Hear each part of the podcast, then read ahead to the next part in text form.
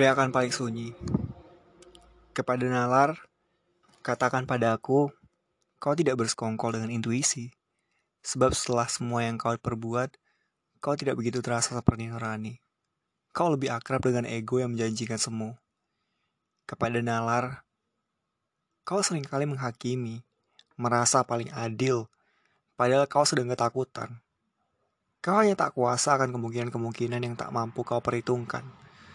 Sesaat setelah otak kiri mengkalkulasikan semua kemungkinan dan yang kau dapati adalah sebuah kemungkinan yang tak terhingga, kau hanya membuat dalih dan sangkalan atas jawaban yang tak mampu kau kuasai. Kepada nalar, berhentilah menjadi pengecut. Berhenti menjadikanku budak dari ketidakmampuanmu mengatasi ketakutan yang berasal dari masa laluku. Aku tahu kau peduli, namun jangan bertahan hidup dengan membunuh. Aku tak pernah bisa menerima diriku sendiri. Saat semua penolakan dalam diri ini terjadi, pemahaman yang sepatutnya sampai padaku akhirnya bias dimakan ego. Membuatku hanya menikmati sisa-sisa sumpah dan serapah. Nurani semakin lemah digusur oleh murka. Pada saat yang sama, saat semua lara menggumpal dalam tenggorokan, napas yang seharusnya menghirup kenyataan dibuat terdesak oleh ingatan yang melumpuhkan. Aku dibuatnya mabuk, ingatan ini ulah siapa? Nurani yang mencoba berbisik atau nalar yang nakal. Sambil terseok aku merangkak menopang Saka. Aku tancapkan doa lebih dalam agar tetap tegap aku bertahan. Dalam kepalaku darah-darah berceceran. Aku bertengkar hebat dengan diriku sendiri. Seringnya nalar menghabisi Nurani dibuat babak belur. Bagaimana tidak? Setan-setan ikut mengkeroyok Nurani. Melihat sang nalar yang begitu palsu, begitu pengecut bersembunyi di balik semua rasa bersalah. Begitu berdalih tidak lagi ingin menyakiti seseorang. Nalar lebih memilih mati menyerah dan membunuh dirinya sendiri. Namun di saat Nurani hancur lebur, Nalar tetap begitu berbelas kasih kepadanya. Jangan siksa, jangan siksa dirimu dengan rasa bersalah. Maafkan dirimu kau begitu pantas untuk mencoba lagi dan lagi. Aku tahu kau akan dipenuhi luka, dihabisi oleh kekecewaan yang mungkin kau perbuat sendiri. Namun, di balik itu semua, kau bertambah bijak. Aku bertambah kuat. Kita sepatutnya menjadi sepasang saka yang saling menopang, bukan? Bisik sang nurani dalam palung sukma yang paling rahasia. Mereka ditinggalkan begitu yakin, yang berteman dekat dengan kekecewaan begitu menghakimi bahwa yang benar cinta tidak akan meninggalkan. Jika nantinya akan pergi, mengapa menjanjikan tinggal? Tanya mereka yang merasa benar. Apa mereka yang mengagung-agungkan janji akan tetap tinggal saat dirinya koyak dihabisi oleh kenyataan yang memaksa mereka untuk pergi? Atau mereka hanya akan memanipulasi kenyataan, memainkan peran yang licik dan menyamar menjadi korban, membuat dirinya seolah-olah terluka karena tidak berani mengambil keputusan yang tidak diinginkan. Karena menjadi orang yang memutuskan pergi seakan adalah peran yang begitu pengecut, begitu egois karena tidak mampu menerima kenyataan yang pahit, begitu egois tidak mampu menerima kekurangan, begitu lemah karena lebih memilih pergi mencari yang baru daripada memperbaiki yang dimiliki. Seandainya bisa ingin rasanya bertukar tempat, Bagaimana jika mereka akhirnya harus memutuskan pergi? Aku saja yang ditinggalkan. Bagaimana mereka bagaimana mereka bisa menghadapi kenyataan, terbangun dengan kehilangan rasa pada yang terkasih? Apa mereka akan tetap mencoba memunculkan lagi perasaan yang hilang itu dengan pura-pura tidak terjadi apa-apa? Dengan berpura-pura masih memiliki perasaan karena begitu tak sampai hati jika harus melukai? Apa mereka bisa menerima kehendak sang pembolak-balik hati dengan dihilangkannya perasaan itu adalah tanda bahwa kita tidak diizinkan untuk bersama. Bagiku ya, cukup bagiku. Perasaan yang hilang bukanlah sesuatu yang mampu untuk diperbaiki. Mungkin memang aku saja yang tidak ingin berusaha memperbaiki sesuatu yang sepatutnya diterima dengan lapang dada. Biar aku yang menjadi saka dalam iman yang kupegang teguh, bahwa hal yang dipaksakan tidak akan berjalan baik, Mungkin itu salah satu alasan paling pecundang yang tidak pernah aku sampaikan pada mereka. Aku memilih melukai seseorang saat itu. Merelakan kenyataan tentang apa yang dirasa tanpa mempertanyakan, tanpa berusaha lebih, Meski itu menyisakan pertanyaan yang penuh luka, pun dia yang terluka sebetulnya merupakan sebuah jawaban bahwa aku tidak cukup baik bagi dirinya. Tuhan mengizinkan kita berdua dengan cara kita, tetapi sering kali kita tidak menerima jawaban Tuhan dengan caranya. Tak terasa sudah setahun ini aku melupakan doa yang terpatri dalam diriku. Aku telah melarikan diri dari peran yang seharusnya aku tegakkan. Saka, boleh dihujani ribuan nalar yang menggoyahkan. Tetapi Saka sepatutnya tetap berdiri. Ibu tak pernah bosan mengingatkanku akan konsistensi. Terbentur, tersungkur, lalu berdiri lalu terbentur lagi, tersungkur lagi, lalu berdiri lagi. Manjada wajada. Aku lupa untuk bersungguh-sungguh. Saka, Saka boleh saja goyah selama tidak menyerah. Aku hanya perlu terus mencoba, bukan? Aku yang menjadi pengecut jika akhirnya berhenti percaya pada nurani, pada diriku sendiri. Semua ketakutan lama-lama terasa seperti dali yang mendukungku untuk berhenti berusaha. Karena sepatutnya semua kesalahan dapat membuatku lebih paham dan lebih hati-hati dalam melangkah. Dapat melahirkan pemahaman yang lebih bijak. Maka dari itu, aku akan membiarkan diri ini membuka lagi kesempatan yang baru. Yang bisa saja membawaku pada kemungkinan yang sama, harus memilih pergi. Namun, layaknya Saka, aku harus tetap, tetap tegap pada kenyataan-kenyataan yang menggoyahkan. Yang tak pernah tampak adalah keinginan yang untuk memaafkan diri sendiri. Tetapi yang tampak ternyata hanya sebuah permainan percobaan. Bagi mereka yang telah terluka, bukankah mereka juga mencoba? Mencoba membuka hati. Kita sama-sama mencoba. Lalu, mengapa begitu mengutuk seseorang yang sedang mencoba?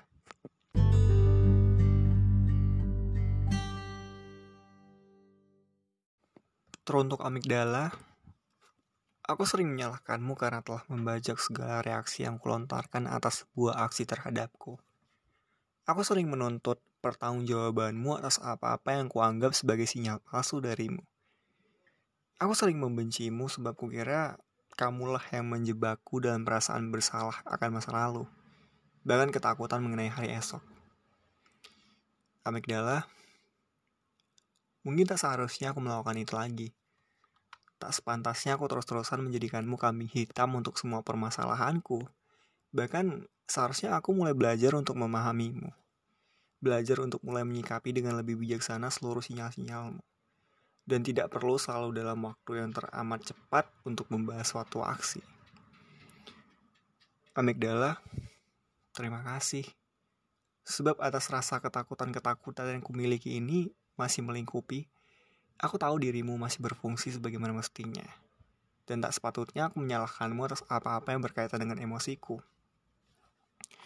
Karena seluruh emosi ini semestinya berada pada genggaman kendaliku. Hingga saat ini, hingga usiaku 25 tahun, hingga kehilangan yang bertubi-tubi ku alami, aku masih sering kali bertanya-tanya perlu berapa banyak lagi kesedihan yang harus kurasakan demi menebusnya dengan kebahagiaan. Apa pada hakikatnya bahagia memang sesusah itu untuk dibiarkan berdampingan dengan manusia-manusia sepertiku? Yang imannya sering kali goyah bila dihantam kehilangan. Yang ibadahnya juga belum sepenuhnya sempurna. Sebagian besar rasa kehilanganku memang sebab ditinggalkan. Entah karena takdir kematian yang menjemput, entah karena perpisahan yang dipilih, atau mungkin juga karena yang pergi telah mendapat jawaban bahwa aku bukanlah yang terbaik untuk bisa bersamai. Ya, mereka-mereka yang akhirnya pergi meninggalkan selalu saja bisa memberi alasan. Yang bagiku hanya sebuah pembenaran bahkan pemakluman yang harus bisa untuk aku sepakati. Sungguh, terkadang aku masih tak habis pikir. Bagaimana rasanya melupakan segala kenangan begitu saja? Bagaimana rasanya beranjak pergi tanpa pernah menoleh? Aku kembali mengukir kisah baru tanpa sedikit pun berkata maaf telah melukai. Bagaimana bisa untuk seperti itu? Sedang untuk mengenyahkan bayangan rasanya butuh waktu yang tak sebentar.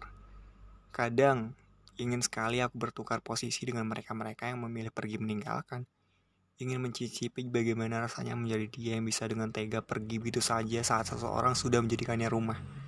Bahkan menaruh rasa percayanya dengan teramat Mungkin bagi mereka, yang meninggalkan penilaianku ini hanya sepihak.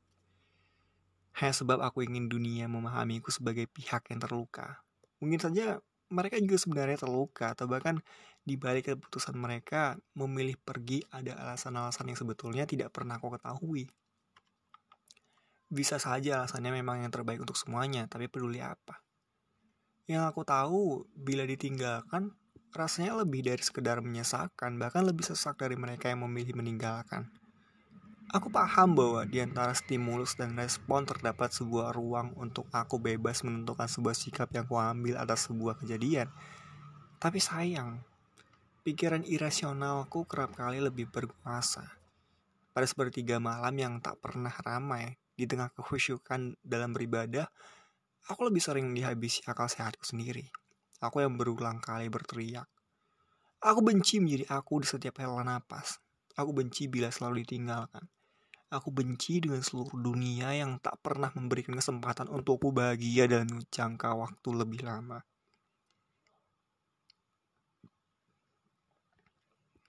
Dalam sunyi yang mencekik, akhirnya aku harus mengaku kalah bila sudah, sudah demikian. Kemudian di hari esok, aku pun terbangun dengan kondisi fisik yang tak lagi bisa dikatakan bugar. Seolah hidup tetapi tak memiliki jiwa. Atau mungkin memiliki jiwa tapi tak lagi ingin hidup. Aku selalu dinominasi oleh rasa pesimis, ketakutan yang sebetulnya tercipta oleh sebab banyak ekspektasi yang diam-diam bersembunyi.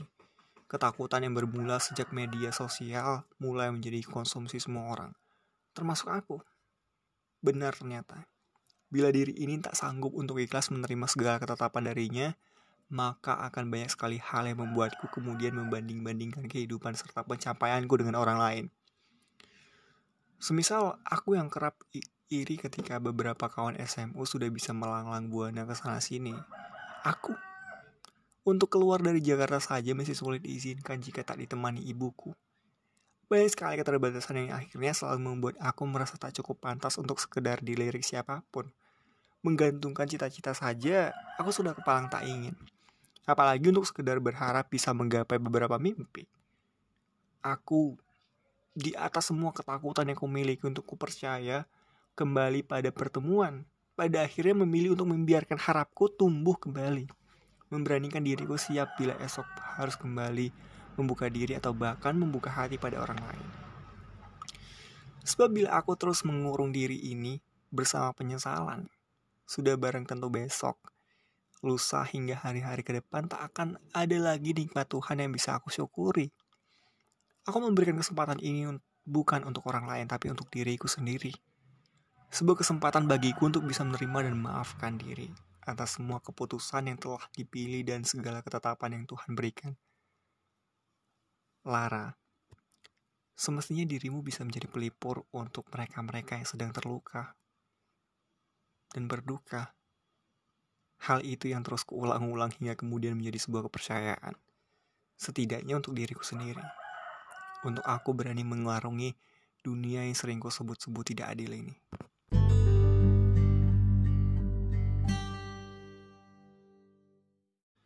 Sepasang kemungkinan. Kesempatan. Kau adalah akar dari semua kemungkinan. Kau dan semesta bersekongkol dalam menciptakan konspirasi yang jenaka, yang sering kali membuatku menggelengkan kepala. Tak jarang aku dibuat dulu hancur dan koyak, sebelum akhirnya menengadah malu saat melihat semua rentetan kejadian yang kau persembahkan, melukiskan konstelasi paradigma yang begitu menawan. Kesempatan, sampaikan pada sang pemberi kemungkinan. Dia begitu romantis dengan segala kejutannya. Aku sering tersipu malu saat dia mengejekku dengan semua caranya mengabulkan doaku. Semenjak aku membiarkan diriku untuk lebih menerima semua kejadian sekaligus kesalahan yang telah aku lakukan, aku menyibukkan diri dengan semua kegiatan yang menyenangkan. Kegiatan-kegiatan yang sudah aku tinggalkan sejak keputusanku meninggalkan dan melukai seseorang yang begitu menyayangiku setahun lalu.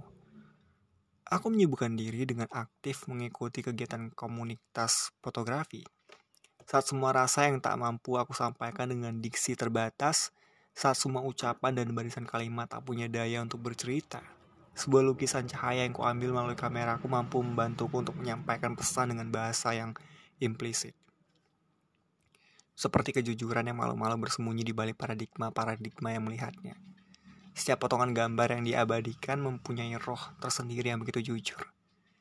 Semua gambar yang kuambil seolah bercerita melalui bahasa yang hanya dimengerti oleh masing-masing nurani yang melihatnya. Seperti sebuah percakapan hutan dengan angin. Mereka begitu mesra dan syahdu. Saat daunan yang menarik terbawa alunan angin yang berhembus, menggelitik dan merayu untuk bersenda gurau, aku begitu nyaman duduk atau tertidur di bawah pohon yang rindang. Hutan dan angin itu terasa seperti begitu ramah akan kehadiranku, mempersilahkanku untuk menikmati hubungan mereka yang begitu selaras. Naluri saja tak berhenti berbisik untuk bertahan dan meminta aku percaya padanya pada kesungguhan hati paling suci dari manusia. Nuranilah yang menyimpan semua rahasia akan peranku sebagai lelaki yang dititipi doa bernama Saka. Aku telah menyimpan banyak gambar yang kuambil saat melakukan perjalanan keluar kota atau mendaki gunung. Semua hutan begitu hijau dan segar untuk kuabadikan. Stasiun yang selalu menjadi titik kepergian dan kepulanganku pun begitu syarat akan kejadian-kejadian yang dapat kuabadikan. Sudut-sudut kota dengan hampir semua jalan yang kutapaki mempunyai memori tersendiri. Juga jendela-jendela dari sebuah bangunan. Bagiku jendela seperti mata. Ia mampu meneropong apa yang tersembunyi di baliknya. Seperti jendela di kamarku, tempat tidurku menghadap ke jendela yang mengarah ke timur langit. Selalu membangunkanku dengan warna oranye yang begitu halus. Diam-diam mengelus pipi dan mataku untuk segera menikmati keindahannya. Segera setelah terbangun, aku mengambil kamera dan kuabadikan jendela tanpa tirai dalam kamarku, yang hampir setiap hari memberikanku kejutan dengan warna matahari pagi yang selalu berbeda tapi konsisten untuk tetap indah. Dulu, aku sering berandai-andai untuk dapat menuliskan semua perasaan yang hidup dalam gambar tersebut, menyampaikan semua pesan dan rahasia di dalamnya. Karena rasanya aku begitu egois jika semua cerita dalam gambar tersebut kusimpan sendiri. Ingin sekali aku membagikannya dengan membuat blog yang isinya tentang cerita dan semua gambar yang aku ambil. Namun apa daya, aku tidak begitu mahir dalam bercerita melalui tulisan. Begitu jari ini menari di atas keyboard laptop, rasanya masih saja barisan kalimat yang terbentuk tidak begitu sempurna menceritakan semuanya. Namun ternyata Tuhan diam-diam telah merencanakan kejutan untukku. Terang-terangan mengabulkan keinginanku. Tuhan yang maha romantis dengan segala kejutannya. Komunitas fotografi ternyata akan membuat pameran. Sebuah pameran yang jarang sekali kutemui di kota ini. Pameran yang selalu menjadi mimpiku yang menampilkan gambar-gambar yang diambil oleh hampir semua anggota komunitas. Tidak hanya itu, komunitas fotografi yang akan mengadakan pameran tersebut ternyata berkolaborasi dengan komunitas menulis teman-teman dari komunitas menulis yang akan membuat cerita dari gambar-gambar kami. Aku dan teman-teman lalu diminta untuk menyiapkan 1-2 foto untuk diberikan kepada anggota komunitas menulis. Semua anggota komunitas menulis pun bebas dan acak memilih beberapa gambar milik kami lalu membuat tulisan tentang gambar tersebut. Aku begitu bersemangat, sekaligus kebingungan. Dari ribuan gambar yang sudah aku sortir menjadi ratusan, aku menyortir lagi menjadi puluhan sampai belasan. Hingga akhirnya terpilihlah dua gambar yang akan aku berikan ke panitia penyelenggara untuk nantinya diserahkan ke anggota komunitas menulis. Saat sedang memperhatikan satu persatu hasil jepretanku, dua gambar yang akhirnya jadi pilihanku membuatku ingin menatapnya berulang-ulang. Aku mencoba memahami dua gambar itu hingga beberapa lama sebelum akhirnya aku serahkan pada panitia. Ada sesuatu yang rasanya berhasil menyentuh nurani Kemudian kepalaku mendadak sibuk untuk menerjemahkan apa yang sebenarnya terasa. Menerjemahkan pesan yang ingin disampaikan oleh dua gambar tersebut. Sampai saat aku kelelahan mencari penjelasan dalam kepalaku, di titik akhir, aku menyerah untuk mencoba memahami. Aku akan berserah saja pada seseorang yang mungkin dapat menerjemahkan pesan apa yang tersembunyi dalam kedua gambar tersebut.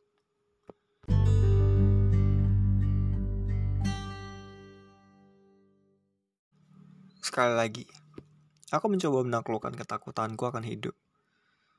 Sekali lagi, aku membiarkan diri ini berperang melawan isi kepala. Sekali lagi, aku menyusuri hari dengan perasaan was-was yang masih saja menguntit. Sekali lagi, Bisakah terjadi sebuah keajaiban untuk aku terima dengan bahagia? Tanpa harus meraung karena ditinggalkan. Tanpa harus terseduh karena keterpisahan. Tanpa harus terluka atas sebab perbuatan.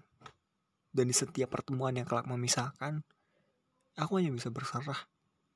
Hanya untuk sekali lagi, aku membiarkan diriku mengikuti ke mana angin mengarah. Aku sadar aku tak bisa terus-terusan hidup seperti ini. Hidup dengan diselimuti kabut kesedihan dalam kurun waktu yang tak sebentar. Aku pada akhirnya berusaha berani untuk kembali membuka diri. Kembali membiarkan diri ini bisa dijangkau oleh orang lain. Meski jadi memang jauh lebih berhati-hati, aku telah mengunci masa lalu yang diam-diam menggerogotiku dalam sebuah kamar yang gelap. Walau terkadang ketika lengah bertandang, Aku membiarkannya bebas menari-nari dalam benak, menghujaniku dengan keputusasaan untuk sekedar mencoba hidup. Aku tak pernah memberitahukan siapa pun atas apa yang sering aku alami ini. Aku takut jika kemudian mereka menganggapku gila. Aku tidak gila. Aku hanya belum sanggup untuk mengalahkan pikiranku sendiri dengan telak.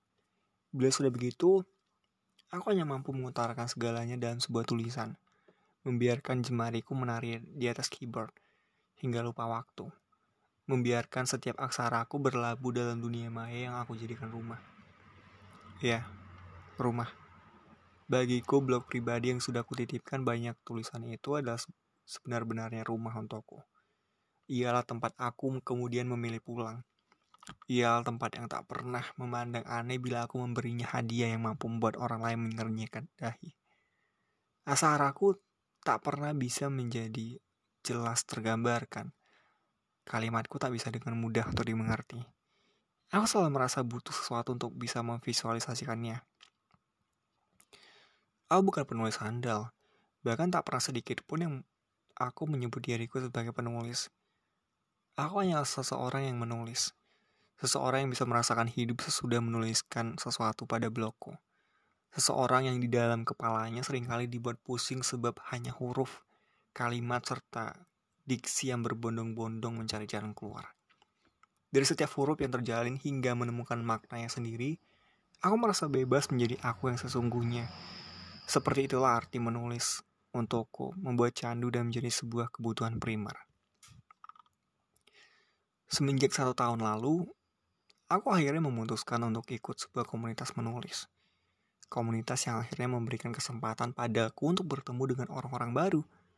Orang-orang yang selalu suka dengan wangi buku yang sudah menguning. Bertemu dengan kawan yang betah berlama-lama menghabiskan waktu di toko buku. Entah untuk membaca, tenggelam dalam sepi yang menenangkan, atau sekedar menghirup udara yang dipenuhi harum lembaran kertas buar, lembaran kertas baru. Bertemu dengan mereka tak ubahnya membuatku kembali terlibat dalam dialog-dialog yang melenakan. Dialog yang berhasil mengubah hari yang semula hanya berwarna hitam dan putih, kini sedikit demi sedikit memiliki warnanya. Aku akan dengan mudah ditemukan tengah duduk sendirian di sebuah kedai kopi bertemankan buku serta laptop kesayanganku. Atau aku bisa saja ditemukan di tempat-tempat yang aku anggap sakral seperti stasiun bahkan bandara, hanya dengan ditemani sebuah buku agenda dan pena. Aku menyukai tempat-tempat itu sebab menjadi simbol dari sebuah pertemuan dan perpisahan. Pada tempat itulah isi kepala aku sering kali mendapatkan bahagianya meski tak jarang membuatku kembali terjerat dalam kenangan masa lalu. Membuatku semakin percaya bahwa pertemuan hanya selangkah mendekatkanku dengan perpisahan. Pertemuan yang begitu dirindukan, lalu lalang yang menyebabkan banyak sekali kesibukan. Orang-orang yang selalu menampilkan beragam ekspresi ketika sedang duduk di ruang tunggu bahkan saat berdiri di peron. Perpisahan yang tak ingin disegerakan beserta pelukan-pelukan hangat yang terekam di depan mata aku begitu ingin kuabadikan dalam sebuah foto. Aku selalu mencoba untuk mengabadikannya. Tapi apa daya kemampuanku untuk memvisualisasikannya tidak semudah jariku menari di atas selembar kertas atau di atas keyboard. Setiap kali aku mencoba memotret, hasilnya tak akan pernah seperti yang aku harapkan. Tak akan bisa seperti saat Aku menyaksikan sebuah pameran foto yang di setiap gambarnya memiliki pesan-pesan tersirat yang begitu mampu membuatku terhanyut. Aku mungkin terlahir tidak memiliki bakat dalam dunia fotografi. Jangankan untuk membuat mendapatkan sebuah gambar yang menyimpan makna. Untuk memfotret dengan fokus saja aku masih sering kewalahan. Bila writing blog memenjarakanku, aku kerap ketagihan berselancar di dunia maya. Mencari-cari satu dua foto yang terkesan hidup lalu membiarkan diri ini tenggelam. Hingga akhirnya lahirlah cerita-cerita dalam kepalaku. Ya, sebuah potret memang dapat membebaskan aku dari kungkungan writing blog. Aku sering kali membiarkan diri ini bermimpi kalau-kalau suatu saat nanti Tuhan berikan keajaiban agar aku bisa membuat tulisanku menjadi lebih hidup dengan sebuah foto. Sebab manusia biasanya akan lebih mudah menangkap sebuah makna tulisan jika ada visualisasi yang disandingkan. Kalau kau tahu, Tuhan dan semestanya sering kali membuat kita menggelengkan kepala hingga berdecak kagum. Terlampau banyak kejutan yang diciptakan. Bahkan belum usai menit berganti, hal-hal yang dikira hanya berakhir menjadi mimpi justru terwujud dalam kewajah dalam kenyataan. Hari ini aku merasakannya. Lagi. Tepat di hari ini, aku mendapat kabar bahwa komunitas tempatku bernaung akan berkolaborasi dengan komunitas fotografi. Komunitasku akan membantu pameran yang diselenggarakan komunitas fotografi itu di salah satu kedai kopi di kota Bandung. Dan kami sebagai orang-orang yang, yang dikenal lihai memainkan aksara diminta untuk memilih dua gambar yang bebas untuk diinterpretasikan dalam jenis tulisan apa pun. Sebuah kesempatan yang syukuri hadirnya dengan teramat. Dari dulu, aku terbiasa menggunakan foto-foto yang kutemukan di internet untuk mendukung tulisanku. Tentunya dengan sel dengan selalu menyertakan sumber foto tersebut, terkadang ingin sekali untuk bisa berkenalan dengan orang-orang yang lihai dalam mengabadikan suatu momen. Ingin untuk kemudian bertanya hal apa saja sih yang terpikirkan atau mungkin sedang mereka rasakan ketika sedang mengambil foto-foto tersebut. Karena bagiku foto dan tulisan itu sama apa yang dimaksud oleh si penulis belum tentu sama dengan apa yang ditangkap oleh si pembaca. Ya, manusia memang memiliki pola pikirnya masing-masing, belum tentu karena gender yang dimiliki sama, maka apa yang kemudian tercipta pun bisa sama pula. Aku begitu antusias untuk ikut andil dalam acara ini, tetapi ragu tiba-tiba menghampiri. Aku dibuat bimbang dengan jadwal pameran yang berlangsung selama satu minggu. Bagaimana mungkin aku bisa berada di Bandung dan meninggalkan segala tugas-tugasku di Jakarta begitu saja? Bagaimana bisa aku melakukan perjalanan sebelum mengantongi izin dari ibuku? Alasan apa yang harus kuberikan untuk mendapatkan izin mengikuti acara yang terhitung mendadak ini? Tapi sebetulnya, keraguanku tidak berhenti di situ saja. Aku mendadak menjadi takut jika kemudian salah menginterpretasikan sebuah foto yang telah kupilih. Aku takut jika tak menyampaikan makna dengan tepat seperti pesan yang sesungguhnya tersimpan.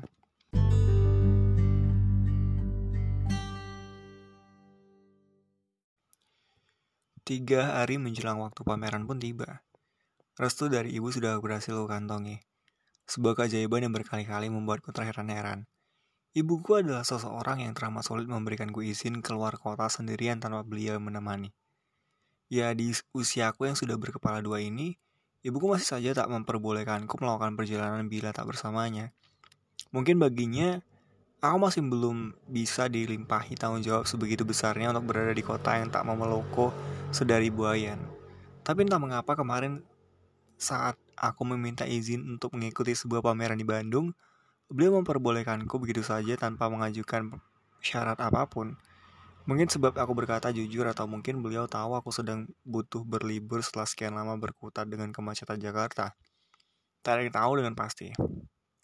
Hanya ibuku dan Tuhan yang tahu jawabannya. Satu yang pasti, aku harus bisa menjaga kepercayaannya dengan kembali ke rumah tanpa sedikit pun keluhan yang terlontar. Hari ini, komunitasku akan berkumpul untuk mulai membagikan foto-foto yang bebas kami pilih dan kami buatkan dua buah tulisan. Selama perjalanan dari rumah menuju kafe buku di bilangan Jakarta Selatan, pikiranku berkelana membayangkan foto-foto seperti apa yang nantinya akan terpampar di depan mataku. Foto seperti apa yang kemudian berhasil aku pilih dan aku bawa pulang untuk aku tarakan maknanya. Ada cemas yang tiba-tiba merasuk di dada. Namun akhirnya dia kalah ketika senyum mengembang sesaat setelah motor yang ku kendarai tiba di depan kafe. Usai memarkiran motor, Aku melangkah masuk dengan ragu-ragu. Mungkin aku belum sempat bercerita bahwa komunitas ini benar-benar baru untukku. Semua anggota di dalamnya tak ada yang sedikit pun pernah bersinggungan rotasi dengan kehidupan nyataku. Dari awal bergabung hingga saat ini, yang mereka tahu aku termasuk persona yang tak banyak bicara. Aku cenderung lebih senang mendengarkan daripada harus menjadi pusat perhatian dengan lantang menyuarakan apa-apa yang ada di benak. Ya, mereka mengenal aku sebagai aku yang berada di dunia maya. Aku yang bisa menyulap aksara-aksara itu menjadi kalimat yang kelam dan menyedihkan. Seorang teman yang memanggil namaku berhasil membuyarkan lamunanku. Ternyata sudah ada beberapa kawan yang berdatangan. Mereka tengah asik bertukar cerita satu sama lain. Ada yang bahas film, buku, bahkan politik yang sedang memanas di negeri ini. Aku menyalami mereka satu persatu, menampilkan mimik muka yang biasa aku gunakan di depan orang banyak. Menyembunyikan duka, menampilkan suka. Tidak perlu waktu lama, aku sudah berhasil masuk dalam percakapan percakapan yang mereka bangun. Serta tutup apa pun aku dengan mereka. Semua selalu menyambutku dengan tangan terbuka. Mereka mungkin mengerti bahwa aku hanya belum siap untuk bisa bersuara gamblang. Itulah kenapa akhirnya aku betah menghabiskan waktu dengan komunitas ini. Sudah hampir satu jam berselang, ketua komunitasku akhirnya menjelaskan maksud dan tujuan kami berada di sini. Setelahnya, ia mulai membagikan foto-foto yang bebas untuk kami pilih. Saat tiba giliranku memilih, aku terhenyak dengan banyaknya foto yang seketika bisa membuatku tenggelam dan lupa bahwa aku masih berada di tengah keramaian. Aku terhipnotis dengan semua foto yang disajikan. Semua memiliki roh masing-masing. Semua seolah bersuara untukku agar menuangkan memori bahkan pesan yang terekam dalam bidikan kamera hingga bingung aku dibuatnya. Aku mungkin menjadi anggota yang paling lama menentukan pilihan, tapi sungguh Aku tengah mempertimbangkan foto mana saja yang bisa aku interpretasikan dengan benar. Di tanganku hanya tersisa 30 foto yang bisa untuk aku pilih. Ada beberapa foto yang membuatku seketika kebanjiran aksara. Namun ada dua lembar foto terakhir. Aku seolah dibawa kembali pada memoriku beberapa waktu belakangan tentang sebuah kehilangan sebagai akibat perpisahan serta tentang pertemuan yang sebenarnya akan menjauhkan. Lagi, heranku menghilang saat aku sudah ditegur oleh ketua komunitas sebab terlalu lama memilih. Aku akhirnya menyerahkan 28 foto kembali padanya dan menyimpan dua foto yang terakhir kulihat untuk kubawa pulang serta mulai untuk mengerti maksudnya. Aku tak sabar untuk pulang, tak sabar untuk berulang-ulang menatapnya dan membiarkan aksaraku bersanding dengan foto itu. Malam menjelang, Aku buru-buru pamit dengan kawan-kawanku sebab ibuku sudah berulang-ulang menanyakan kapan aku akan pulang. Yang terpikir olehku adalah pulang sesegera mungkin bila ingin izin untuk aku berangkat ke Bandung tetap diberikan. Di sepanjang perjalanan pulang, aku lagi-lagi membiarkan diri ini melamun dengan kemudian digerogoti pertanyaan siapa sebenarnya fotografer dari foto yang kubawa pulang ini. Dan apa sebenarnya maksud dia mengabadikan momen seperti itu bahkan menjadikannya objek untuk bisa dilengkapi ceritanya. Aku melihat kamu di persimpangan. Aku memilih kamu bukan sekedar persinggahan. Dan untuk selangkah menuju pertemuan, aku tak akan pernah siap untuk sebuah perpisahan yang tak akan bisa terelakkan.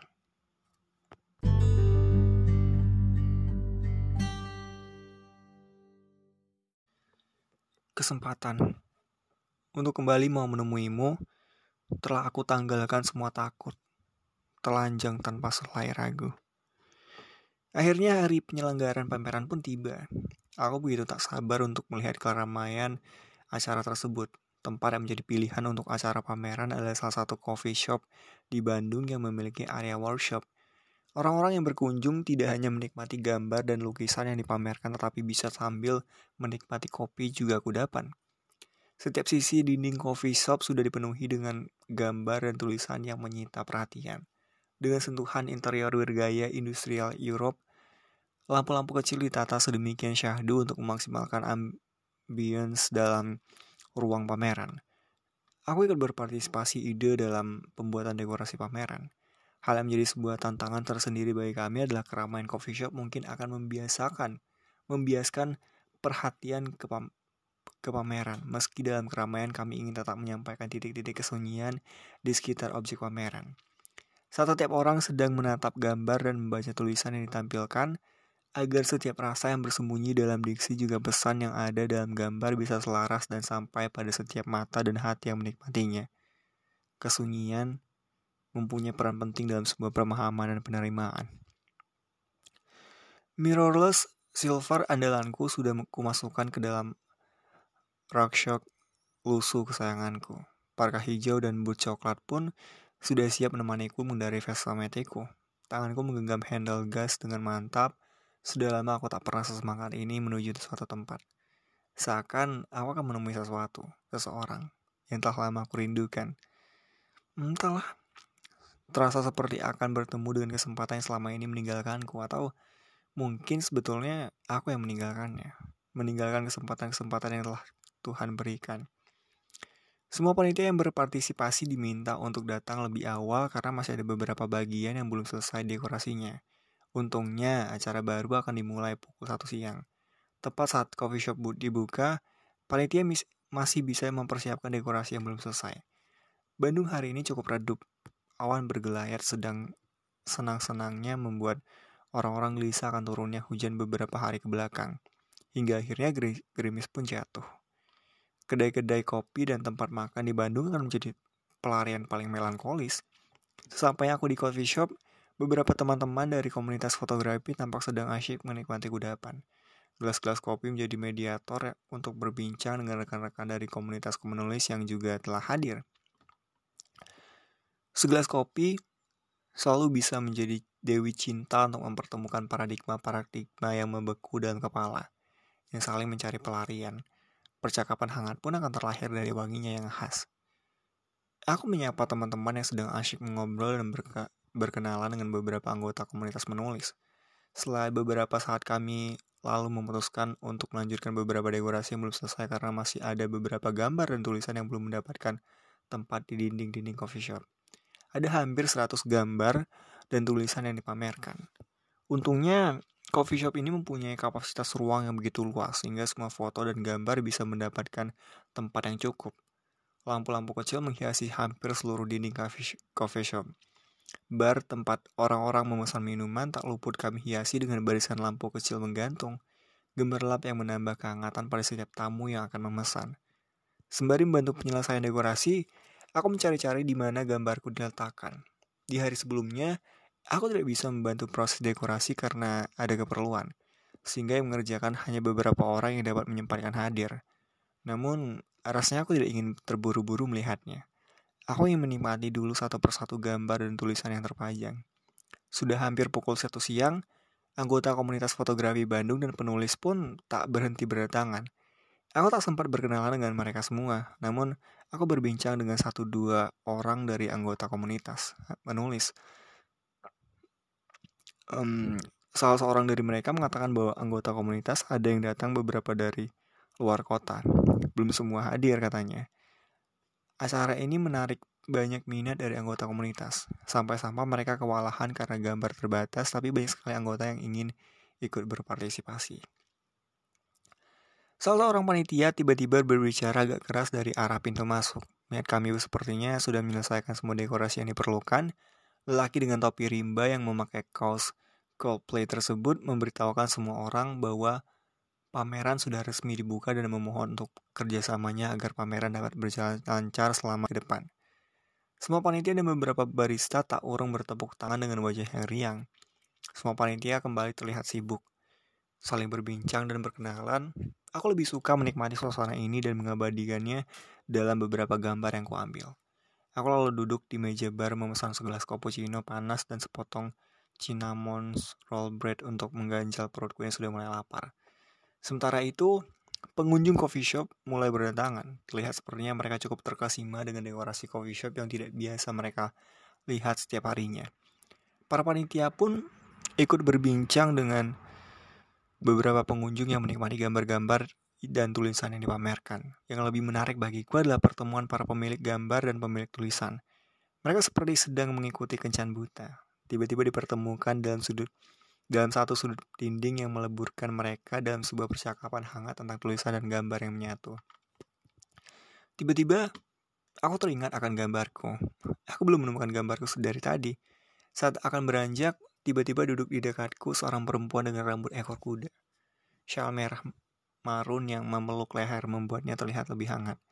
Sangat wajahnya dengan bibir yang melemparkan senyum ke arahku dan mata hitam bercahaya. Aku dibuatnya terlalu menikmati mata yang bercahaya itu, seperti konstelasi. Aku membalas senyumnya, kemudian memalingkan wajah kembali ke arah cangkirku. Nuraniku seperti sedang digoda untuk terpesona tetapi nalarku menolak karena terlalu malu. Dari sudut mata, aku mengamati saat ia melepaskan jaket yang menutupi bahunya. Seperti kebasahan karena gerimis di luar sudah mulai turun, secangkir cappuccino panas pun dipesannya. Dengan kamera di sebuah di sebelah cangkir cappuccino aku, gadis bersyal marun itu sepertinya paham kalau aku salah satu bagian dari penyelenggara acara ini. Matanya lalu terlihat sibuk mencari orang dalam keramaian coffee shop. Seolah sudah menemukan siapa yang dicari, ia meninggalkan kursi di depan bar dengan tas yang dan jaket yang sengaja ditinggalkan. Sepertinya gadis itu salah satu anggota komunitas penulis. Karena dia terlihat sedang menyapa beberapa teman yang sedang berkumpul dan berbincang dengan beberapa temanku dari komunitas fotografi. Tak kusadari, ternyata mataku diam-diam mengikuti ke mana dirinya pergi. Aku mendapati diriku keheranan, dan aku tidak menyukainya. Tapi sepertinya aku menikmatinya. Dan, dan aku tetap heran. Kemudian aku teringat lagi akan gambarku. Akhirnya aku beranjak dari bar tempatku duduk. Sengaja aku meninggalkan tas dan jaket parkaku di kursi bar. Lalu meminta barista untuk tidak membersihkan cangkirku. Aku akan kembali ke kursi ini, sembari berkeliling melihat gambar dan tulisan. Aku menyapa beberapa rekanku dan berkenalan dengan teman-teman baru dari komunitas penulis. Bercerita tentang gambar dari para fotografer dan tulisan para penulis. Aku begitu takjub dengan tulisan-tulisan mereka yang begitu padat dengan rasa, diksi yang begitu liar tapi tetap tunduk pada perasaan yang disampaikan. Kepala mereka sepertinya dipenuhi oleh puisi yang berebut ingin ditumpahkan di atas kertas. Para fotografer pun sepertinya dibuat begitu luluh. Semua perhatian mereka begitu lantah oleh cerita para penulis. Aku yakin beberapa dari teman-teman fotografer telah jatuh dalam tulisan yang dibuat para penulis. Akhirnya, Aku menemukan gambarku. Seorang lelaki yang mengenakan jaket tebal sedang berlari di bawah hujan. Gambar itu kuambil tempat saat kakinya menginjak genangan air hingga membentuk sebuah mahkota dari air yang terciprat. Gambarku terletak di tengah dinding ruangan paling besar. Tak heran aku kesulitan menemukan gambarku karena banyak orang sedang melihat-lihat di situ. Aku berjalan mendekati gambarku. Mataku merangkak melihat tulisan di sebelahnya. Semakin jelas tulisan itu terbaca, semakin aku terdiam. Tak terasa begitu terlarut menikmati setiap kata yang disajikan. Barisan diksi seperti bersenandung dalam nurani. Begitu syahdu hingga membuat nalarku ikut sendu dan berhenti memikirkan apa pun selain kalimat-kalimat yang merayu. Aku masih tak percaya bahwa tulisan yang ada di depanku begitu dapat menceritakan perasaan yang tidak kupahami saat melihat dua gambar yang kupilih untuk ada di depanku sekarang. Aku seperti dibawa dalam sebuah kejadian dalam setiap kata yang bercerita menyaksikan langsung bagaimana cerita tersebut terjadi, menjadi saksi bagaimana kata-kata tercipta dari kepala yang menjadi saksi dari rasa yang sedang terjadi. Aku masih terpatung hingga kalimat paling terakhir, hingga menyisakan sebuah kata yang sepertinya adalah nama dari seseorang yang menulis rangkaian kata ini. Lara.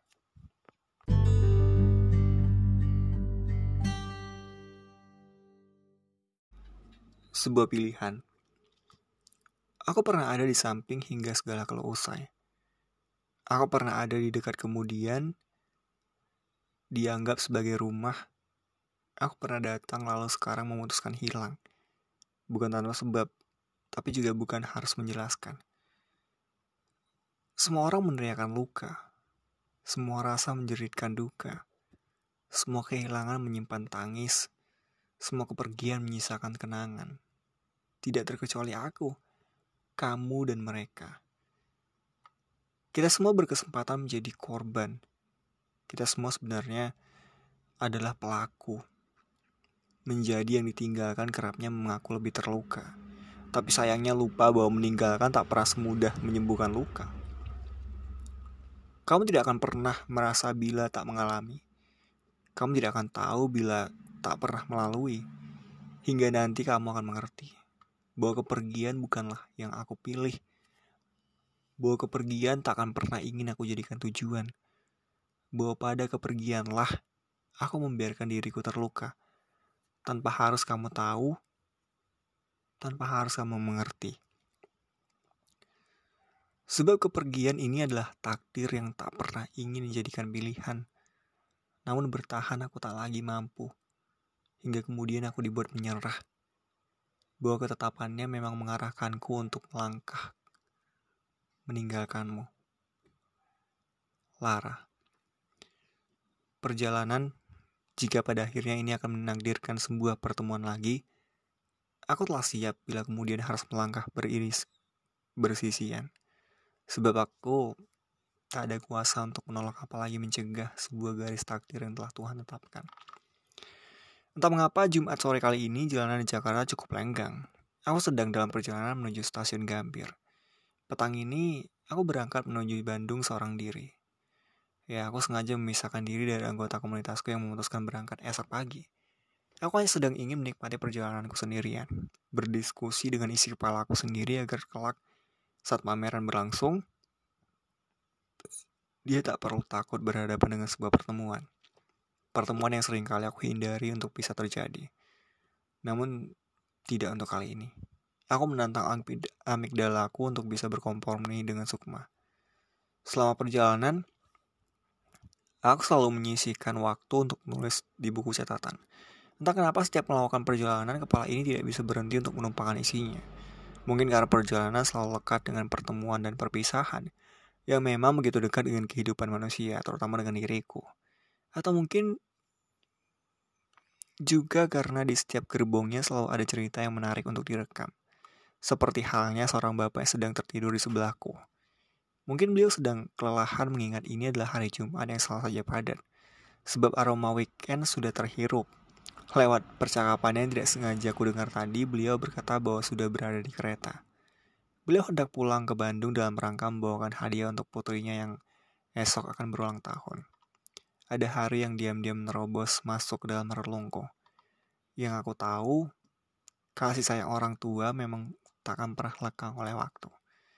Tetapi mungkin itu tidak berlaku bagi ayahku yang hingga saat ini tak pernah sedikit pun mencari tahu keberadaanku.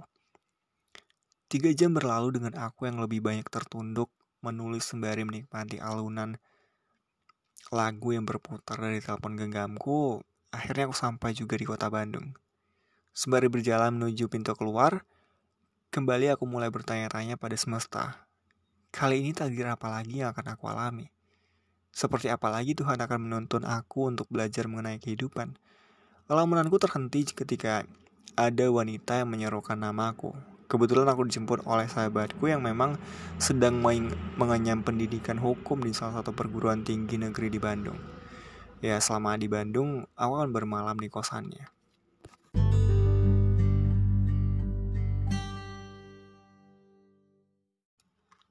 Hawa sejuk Bandung memang selalu berhasil membuatku ingin seharian berada di balik selimut.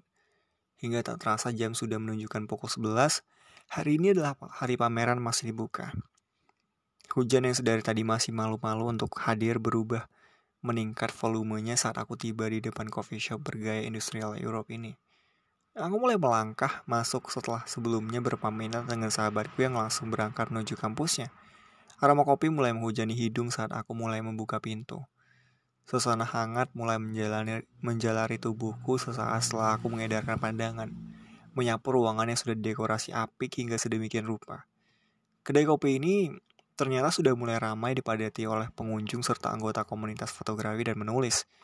Terlihat dari beberapa orang yang mulai bergerombol memadati meja-meja yang tersedia.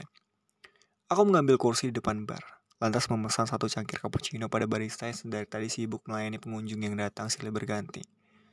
Sembari melepaskan jaket jeansku yang sedikit basah oleh gerimis selama perjalanan tadi, mata ini masih sibuk mencari-cari wajah yang mungkin ku kenali. Hingga tanpa sengaja mata ini bersih tatap dengan lelaki yang jika boleh ku tebak pasti adalah anggota komunitas fotografi. Sebab di sebelahnya ada sebuah kamera yang tergeletak. Entah bagaimana bisa, senyum tiba-tiba saja aku lemparkan ketika mata kami saling beradu. Setelahnya, Aku tersadar dan lekas menatap ke arah lain dan beruntungnya aku menemukan temanku berada tak jauh dari tempatku berada. Sesudah menitipkan tas dan jaketku pada barista tadi, Aku segera menuju tempat teman-temanku berkumpul. Aku mulai menyapa teman-temanku yang ternyata sudah mulai bertukar nama dengan beberapa anggota komunitas fotografi. Entah mengapa, aku merasa seolah ada yang menatapku. Tapi tak begitu kupedulikan sebab isi kepala ini masih terjerat pada mata yang tadi kutatap. Mata yang menyeratkan banyak cerita namun tak pernah bisa secara gamblang terungkapkan. Sukmaku merajuk bila aku tak mengakui bahwa aku sedang terhanyut pada kedua bola mata tadi. Mendadak kepalaku pusing. Aku gelisah dan tak mulai dan mulai tak suka harus lama-lama berbicara basa-basi seperti ini. Aku memutuskan untuk berkeliling melihat foto dan tulisan yang sedang dipamerkan. Sesekali aku menyapa wajah-wajah yang ku kenal, berjabat tangan dengan tang dengan kawan-kawan baru hingga menikmati beberapa obrolan terkait tulisan dan foto yang ternyata menjelma menjadi satu kesatuan cerita yang utuh. Kemudian aku teringat untuk mencari foto yang kemarin kupilih untuk kubuatkan tulisan. Aku ingin tahu, kiranya foto tersebut kepemilikan siapa, hingga akhirnya aku menemukan gambar itu berada di tengah dinding ruangan. Lagi-lagi, setiap aku menatap foto ini dengan lekat, aku seolah dibawa oleh perasaan yang berhasil mengaduk seluruh isi hatiku. Aku seperti sedang menyaksikan rentetan peristiwa pada sebuah layar besar di depan mataku. Aku masih terus terhanyut hingga aku menemukan sebuah tulisan yang berisikan keterangan nama pemilik foto ini. Saka.